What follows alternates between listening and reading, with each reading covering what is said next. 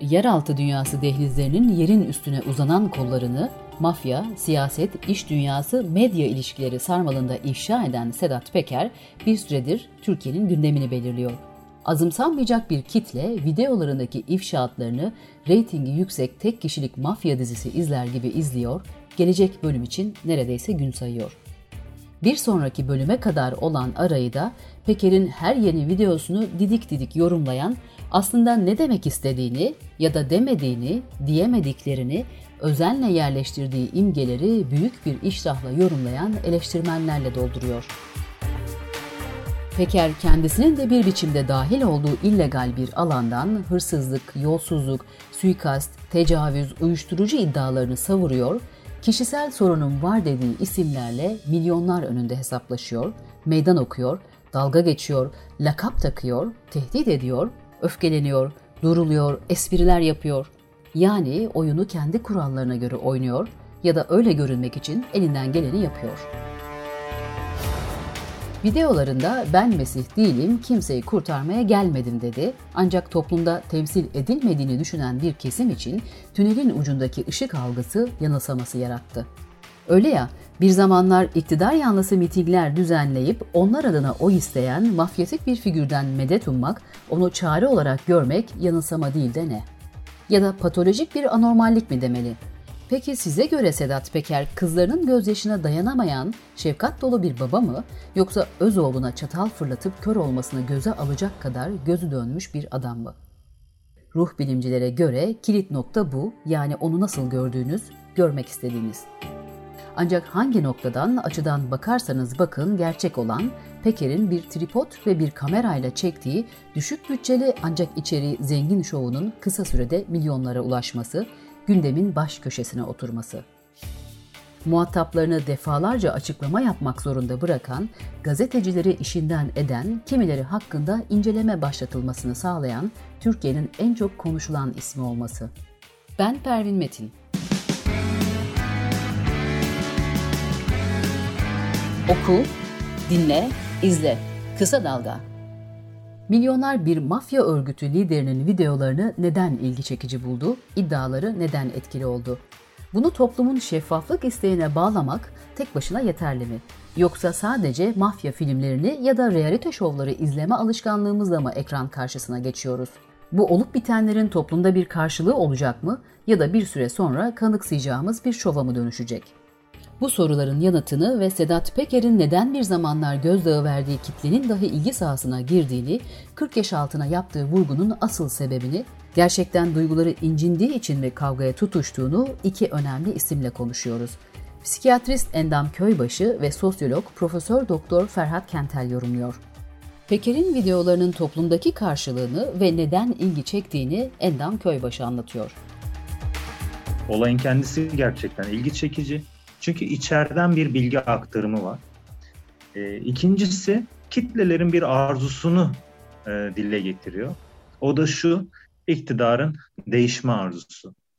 E, biz her zaman e, bu arzuların e, sağlıklı bir e, bilişsellikle e, somutlandığını gözlemleyemeyebiliriz. E, bazen fantezi düzeyinde beklentiler oluşabilir. O da şu, e, değişsin de nasıl değişirse değişsin. Ben biraz buna bağlıyorum. Mesela düşünsenize 4 yılda bir oy veriyorsunuz ve vermiş olduğunuz o tek oy her şeyi değiştirebilir deniyor size. E, böyle bir ortamda gerçekten etkili olabileceği düşünülen bilgilerin kim tarafından olursa olsun e, ortalığa saçılması insanların ilgisini çekebilir. E, AKP iktidarın değişmesini e, isteyen kesim özellikle izliyor. Hatta AKP'nin izleyicisi olan, e, seçmeni olan, destekçisi olan kesimin e, bu videolara gözünü kapattığı, e, montaj olarak algılama eğiliminde olduğu e, ya da inanmama eğiliminde olduğunu daha önceki deneyimlerden de biliyorum. Profesör Doktor Ferhat Kentel de gündelik hayatın bir parçası haline gelen bu videolara olan ilginin nedenini mafya dizilerini izleme alışkanlığımızda mı ekran karşısına geçtiğimizi önemli bir tespitte de bulunarak şöyle yorumluyor. Demokratik ya da normal siyasal yolların olmadığı bir zaman dilimindeyiz. Bir yanda totaliter kampanyaları toptan teslim olmuş olan insanlar var. Onların dışında insanlar çıkış yolu olarak nereden gelirse gelsin güçlü alternatif seslerden medet umuyorlar. Bu en ideal yol değil ama muhtemelen iyimserlik yaşatan bir alternatif. İyimserlikte umudun sürmesini sağlıyor. Mafya dizisi izleme alışkanlığına benziyor ama tam öyle değil. Hayatlarında hiç mafya dizisi seyretmemiş insanlar da pek izliyor. Memleketin yönetim tarzında normal olmayan yolların ortaya çıkması da mafya dizileri tabii ki etkili olmuştur. Ya da zaten bizzat mafya dizileri normal olmayan yolların ürettiği bir tüketim nesnesidir. Dolayısıyla kötü mafyatik düzenden çıkışın ipuçları da bu sefer iyi mafyatik yollarda görülüyor olabilir mesela. Meşhur bir Fransız filmi vardı. Mathieu Kassowitz'in La Nefret e, diye tercüme edilmişti bu film. O filmin başında siyah bir ekranda dış ses, bir erkek sesi bir adamın 50 katlı binadan düşmekte olduğunu anlatıyor. Adamın her kattan geçerken buraya kadar her şey yolunda, buraya kadar her şey yolunda dediğini anlatır ve yorumlar o ses. Ama önemli olan düşmek değil, yere varış anıdır. Aslında Kassovitz bu filmde düşmekte olan bir toplumu anlatır. Biz de o durumdayız. Düşmekte olan kendimizin filmini seyrediyoruz bir anlamda. Biraz şimdiye kadar her şey yolunda diyoruz. Fakat çokça da farkındayız yani yer yaklaşıyor. Her kattan geçerken tutunacak, bizi kolumuzdan çekip kurtaracak biri var mı diye bakıyoruz. Muhtemelen Peker'de o pencerelerden gördüğümüz biri olabilir. Kendisinin de mağdur edildiğini söyleyen bir mafya lideri toplumun bir kesimi tarafından işte bizi kolumuzdan tutup kurtaracak kişi olarak algılanıyor, medet umulan bir figüre dönüşüyor. Endam Köybaşı da bu tespiti yanlış bulmuyor. Neden? Çünkü liderlik her zaman güç kavramıyla birlikte düşünülmesi gereken bir kavram ve mafyatik bir profil biz olumlamazsak da, modern bulmasak da, çağ dışı bulsak da, hatta yasa dışı bulsak da bir güce tekabül eder. Ve bize her ne kadar orada kendi ifadesiyle mağdur edilmiş bir kişiyi izliyor olsak da aslında elinde hem maddi anlamda hem ilişkiler anlamında hem çevresini belirleme anlamında hem de sahip olduğu bilgiler anlamında bir güce tanık oluyoruz. O yüzden sadece mafya lideri olarak e, kişiyi somutlamak mümkün değil. Ama burada şunu hatırlamak gerekir. Mafya liderlerinin bir psikolojisi vardır. Yani herkes mafya lideri olamaz. Kimler olabilir? Elbette ki burada birkaç tane kritik unsurdan bahsedebilirim. Bir kere şiddet onun gözünde meşru olacak. Değil mi? Mafya lideri olmanın en önemli herhalde gerekliliklerinden bir tanesi bu ve bu çok kolay bir şey değil. Bunu olumladığım için söylemiyorum. Ama orada bir şiddet dünyası vardır. Bir yönüyle o şiddet olacak ve bu şiddette her zaman haklı olduğunuzu düşüneceksiniz. Yoksa bunu sürdürebilme şansınız yok. Biz bu kişileri sadece mafya lideri olarak görmüyoruz. Farklı bir takım etkinliklerin içerisinde de kendilerinin bazen bireysel bazen toplu gösterilerine şahit olabiliyoruz. Burada önemli olan elbette ki sistemin bunu ne biçimde kullandığıdır. Bazen e, bu başarısız bir şiddet eğilimi olursa cezaevinde de sonuçlanabilir veya rakibi tarafından işte sakatlanmış veya öldürülmüş bir şiddet eğilimi de olabilir. Burada hani bunu olumlamak anlamında söylemiyorum ama başarılı bir biçimde yolunu bulmuş, tutunmuş bir mafyatik profilden bahsedebilmek mümkün. Hatta zaman zaman sempatik bile bulunan mafyatik bir profilden bahsediyoruz. Profesör Doktor Kentel, Peker'in anlattıklarının hem ilginç hem de toplumun şeffaflık ihtiyacına tekabül ettiğini düşünmekle beraber bunun patolojik bir durum olduğuna da vurgu yapıyor. Ama bence en önemlisi söylenen şeylerin hiçbiri çok çok orijinal şeyler değil. Ama zaten bu yüzden de çok inandırıcı. Çok ulaşılmaz ilahi bir düzenden gelen mesajlar değil bunlar. İnsanın hayal gücü içinde olabilen, enformasyon olarak zaten ortalıkta dolaşan şeyler. Ama bunu içeriden birisinin söylüyor olması tabii filmi daha çekici ve inandırıcı yapıyor. Üstelik de eksik bir film bu. Yani mesela bugüne kadar bilgi varken, bu kadar bilgi varken Hrant Dink cinayetinden Veli Küçük bağlantılarına hiç bahsedilmedi. Yani Peker bunlardan hiçbir şey anlatmadı. İnsan merak ediyor tabii neden diye. AKP karşıtı kesimler arasında olup milliyetçi muhafazakar kesimde den olanlar arasında AKP ve MHP küsmüş olanlar, İyi Partililer gibi grupların içinde bir temsil umudu olarak görülüyor. Olabilir belki Peker. Ama e, sol, liberal, seküler kesimlerde bunu, bunu düşünmek zor. İşten işe tabii ki Peker bir sempati yaratıyor olabilir ama kanlarında duş yapacağız diyen bir adamdan temsil beklemek herhalde çok kolay savunulacak bir şey değildir herhalde. Ama genel olarak tabii ki patolojik bir durum söz konusu. Her zaman olduğu gibi. Yani bu memlekette. Anadolu gibi kavimlerin, yani bütün bu kavimlerin birbirini boğazladığı bir, bir coğrafyada tehcir edildiği, darbelerle dünya kadar insanın asıldığı, işkencelerle öldürüldüğü, kaybedildiği topraklarda patolojik olmaması çok kolay değil. Ama gene de fena idare etmiyoruz. Umut hiç yok olmuyor. Bu da iyi bir şey.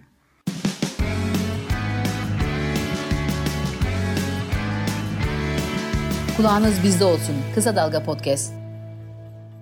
Milyonların önünde hesaplaşıyor, meydan okuyor, dalga geçiyor, tehdit ediyor, işte lakaplar takıyor insanlara. Bulunduğu yer itibariyle tabii kanunsuzluğu, illegaliteyi, suçu temsil ediyor durduğu yer ve olduğu kişi itibariyle. Ama bir taraftan da bakıyorsunuz altta yapılan yorumlara büyük bir kesim e, de onu bu bir kahraman algısı var. Onu kahraman olarak gören çok da büyük bir e, kesim var. Bu tehlikeli bir durum mu? Oldukça tehlikeli bir durum. Özellikle gençlerde kişiden veya kişinin kendisinden ayrı değer olarak önümüze koymuş olduğu şeylerle özdeşim yapma olasılığı gerçekten bir risk. Ancak şunu da söylemek isterim. E, lakap takma, rakibini küçümseme, alaycı konuşma, tehdit etme, ne yazık ki sadece mafyatik liderlerin değil şu anda iktidar unsurunun neredeyse tamamının ağzında bir birlik oluşturmuşçasına dökülen laflar. Yıllarca biz bunların dizisini izledik. Belki biz dediğimiz kişiler siz biz değiliz ama milyonlarca kişi izledi, bunlardan etkilendi ve gerçekten bu dünyanın etkileyici bir tarafı da var. Düşünsenize her istediğinizi yapıyorsunuz ve hesap vermek zorunda değilsiniz. Tamamen e, kendi zevklerinizin, dürtülerinizin e, peşinde koşturabilirsiniz. Bazen dışarıdan bakıldığında insanı kıskandıracak bir hayatın kendisi de sunulabiliyor önümüze. Özellikle hani e, hayatın anlamı, e, geleceği, ondan sonra bir takım erdemlerini kavrayamamış e, olma durumu söz konusuysa bunlar çok da çekici ve imrenilisi şeyler olarak gelebilir ki hatırlayın söz konusu kişi canlı yani canlı dediğim video dışında gayet siyasi bir unsur olarak da mitingler yaptı ve mitinglerinde azımsanmayacak bir kalabalıkta oluştu. Konusu olan kişiyi biz olumsuzlukları üzerinden görürken aynı biçimde görmesini beklediğimiz kesim hiç de öyle görmeyip çok farklı heyecanlar duyabilir. Mesela şunu söyleyebilirim. Videolardan bir tanesinde e, erkek çocuğuna fırlatmış olduğu çataldan bahsediyordu değil mi? Ve ne diyordu orada? Kızlarımı korudum ölseydi de pişmanlık duymazdım gibi bir şeyler söylüyor. Orada kızlarını koruyan babayı mı görürsünüz yoksa erkek çocuğuna zarar veren hatta onun ölümünü bile göze almış babayı mı görürsünüz? Siz eğer bu kişiye olumlu bir değer atfedersiniz o tarafını görürsünüz ama doğru bir taraftan bütünlüklü bir bakış sergilerseniz onu tamamen hastalıklı bir ruh hali olarak rahatlıkla değerlendirebilirsiniz. Çok tehlikeli dediniz. Oraya bir daha dönmek istiyorum. Bir, niye tehlikeli ve burada neden tehlikeli ve burada hani hep diyor ya 40 yaş altına vurgu yapıyor. 40 yaş altındakiler 40'ın altındakiler beni dinlesin üstü çöp diyor. Ve et, gerçekten etkileyebilir mi? Etkileyebilir, etkiliyor da. Mesela şiddet zaten meşru olan şiddet daha da yaygınlaşır. Örneğin orada bir şeye dikkatinizi çekmek isterim. Ben doğru söylüyorum. Eğer söylediklerim yalan çıkarsa parmaklarımı keseceğim. E, modern hukukta öyle bir şey var mı? Yani sonuçta yargılamak diye bir şey vardır. Bu insanlığın yıllarca biriktirmiş olduğu kültürün üzerine oluşturmuş olduğu bir değerdir örneğin ama sizin tutup işte benim sözüm senettir eğer yanlış çıkarsa bir tarafımı keseceğim demek karşı tarafın sözü de eğer doğrulanmazsa onun da bir tarafını keseceğime varır. Bu insan ilişkilerinde oldukça patolojik sonuçlar e, ortaya çıkmasına yol açar. Bir tarafımızı kesmekten, e, çocuğa çatal fırlatmaktan, işte birbirimizi e, öldürmekle test etmekten ve bunun bir güç gösteri olarak güç gösterisi olarak alkışlanmasından bahsediyoruz ki bunlar gerçekten dehşet verici şeyler. İzlediğimiz gösteri bir zamanlar ortağı olduğu yapıyla kavgası mı sadece yoksa Peker bu kadar ilginin de etkisiyle artık toplumda kabul görmeyi ya da aklanılmayı mı bekliyor? Peki toplum ona bu isteğini verir mi? Profesör Doktor Kentel şöyle yanıtlıyor. Kavgaya dahil olan kesimler çok parçalı. Yani düzenli ikili gerilimlerden bahsedemeyiz. Sürekli değişen ittifaklar söz konusu. Bugün bir çıkar uğruna yan yana gelenlerin yarın başka çıkarlar ortaya çıktığında araları bozulabilir. Ve yeniden ittifaklar ortaya çıkar. Mafyada Bu ittifakların içinde ama hepimizin malum mafyalar da birden çok. Ayrıca zaten belki mafya da dememek lazım. Mafya ile iç içe geçmiş siyaset ya da devlet ya da devletle siyasetle iç içe geçmiş mafyalardan bahsetmek belki daha mantıklı. Yani zaman içinde değişen ortaklar arasında bir gerilim seyrediyoruz. Ama anlaşılan Susurluk'tan sonra bu seferki epey sağlam bir gerilim. Tabii sorun şu ki biz fanilerin bütün bu organize işleri anlamamız çok kolay değil. Çünkü organize işleri yapanların parası, gemileri, otelleri, inşaatları, medya organları, ne bileyim trolleri, siyasal güçleri, silahlı güçleri bizim hayal edemeyeceğimiz kadar güçlü. Bizim de çenemiz yoruluyor aslında biraz. Neyse aslında filler yetişirken biraz eziliyoruz ama o filleri dikenlerimizle dürte dürte kovalayacağız herhalde bir gün. Hemen hemen herkes bütün davranışlarını idealleştirir. Çok karmaşık sebepleri olan davranışları açıklayacak en güzel gerekçeyi üretmeye çalışırız. Yani baba çocuğunu döver, bunu çocuğun iyiliği için yaptığını söyler. Mecburen bir karar alırız, zaten yapılması gereken buydu deriz. Ya da başımıza bir şey gelir, neyse belki de böylesi daha hayırlı oldu deriz. Yani bütün tıpçılar, bütün sosyal bilimciler, mühendisler, bütün siyasetçiler hepsi vatana, millete, bilime falan hizmet ettiklerini söylerler, söyleriz. Tabii hizmet ederler ama aynı zamanda hepsi para kazanmaya çalışır. Yani güçlerini arttırmaya çalışırlar. İdealleştirdiğimiz zaman çok basit sıradan çıkarlarımızı, ezikliklerimizi, arzularımızı falan görünmez kılarız. Ayrıca zaten bütün savaşları çok ulvi sebeplerle yapılır değil mi? Yani Peker'de pazarlık gücünü arttırmak için sık sık tekrar ettiği dönüş biletini almak için belli bir belli kendini kurtarmak için Kurtlar Sofrası'nın savaşına ezilmemek için bir takım adımlar attı. Şimdi bu adımların en ideal formunu inşa etmeye çalışıyor. Tabii anlattığı o kadar çok şey var ki milletin hoşuna giden bunların içinde. Herhalde imajı da istediği gibi epey idealize olmuştur. Oku, dinle, izle. Kısa Dalga. Daha önceki videolarında bu benim kişisel hesaplaşmam diyordu ama şimdi ben de artık neden yaptığımı bilmiyorum diyor. Gerçekten bilmiyor mu? Ya da asıl derdi ne şu an?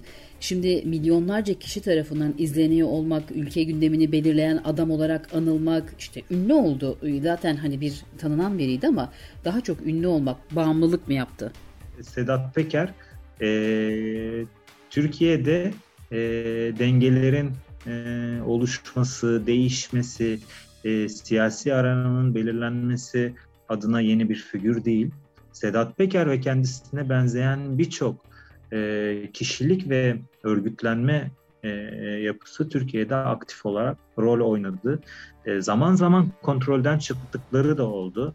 Ama hiçbirisi bu kadar uzun süre ve işte sosyal medyayı kullanarak bağımsız e, bir görüntü üzerinden bunu e, gerçekleştirmedi. Sedat Peker ilk kez bunu deniyor.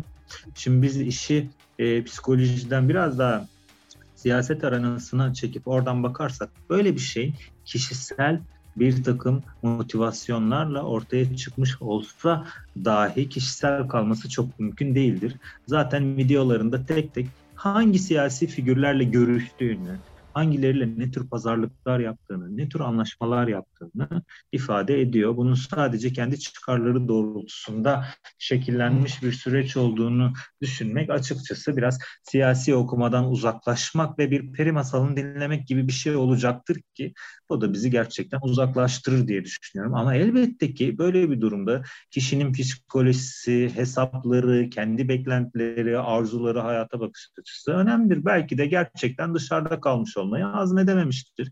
Ve hani diyor ya bana bunu söylemeyecektiniz diye. Belki de o kendisine söylenen e, laf e, duygularını incitmiş ve bu onu harekete geçirmiş olabilir. Ama artık sizin de söylediğiniz gibi milyonlarca kişinin izlediği ve bazı bir takım dengeleri değiştirdiği hatta Türkiye'de Cumhurbaşkanı'na açıklama yapmak zorunda bırakıp gazetecileri işte bazı iş adamlarını işlerinden e, edip İçişleri Bakanı'nı defalarca açıklamaya e, zorlayan bir tutumun artık kişisel olduğunu düşünmek az önce söylediğim gibi biraz gerçeklikten uzaklaşmak olacaktır.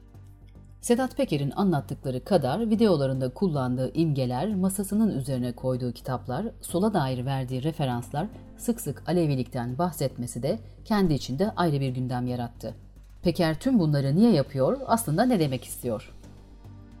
Dürbün e, koymak değil mi? Ya işte e, kapalı zarf e, e, koymak e, ya da ne bileyim işte hala ne olduğu tartışılıyor. E, avucunda tutmuş olduğu topuz gibi bir şeyin e, varlığı. Her birisinin kendince e, bir anlamı olabilir. Bir gizem yarattığı açık söylediklerimin ötesinde bir mesajım var dediği açık. Bunlar ilgiyi arttıran şeyler ama bunların anlamı üzerine yorum yapabilmek zor. Bir noktadan sonra spekülasyon olacaktır. Ama sizin hatırlatmış olduğunuz şeye ben de dikkat çekmek isterim. Aslında anlatısını, olumlu anlatısını yapmış olduğu karakterler çok da kendisini var eden koşulların, kendi siyasi kariyerini oluşturan sağ cenahın karakterleri değil değil mi?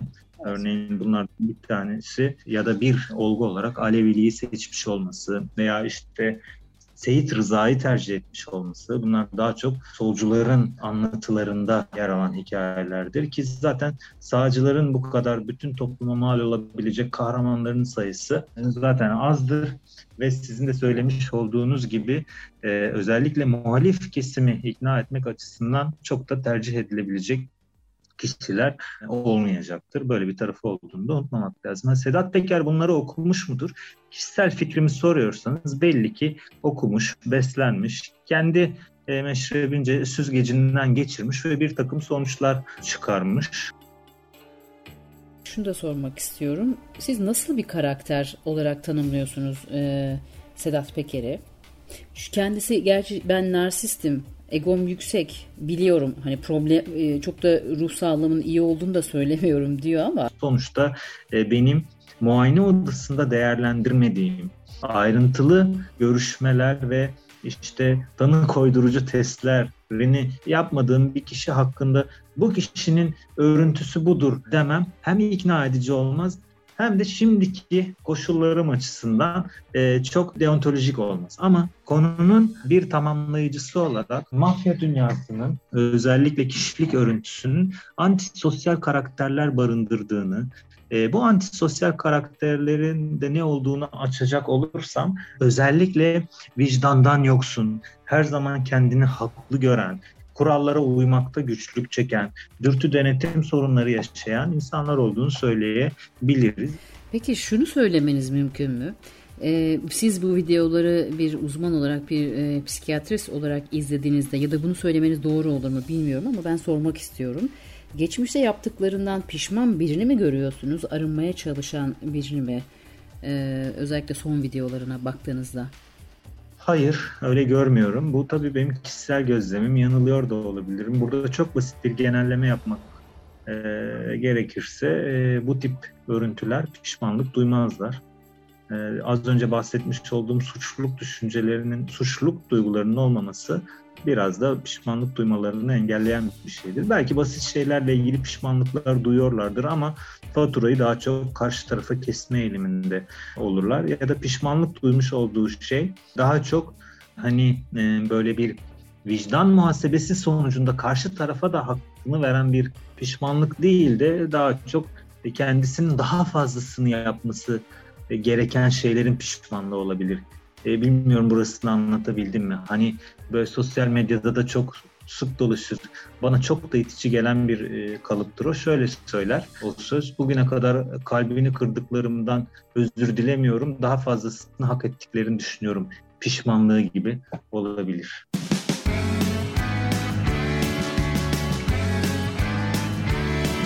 Kulağınız bizde olsun. Kısa Dalga Podcast.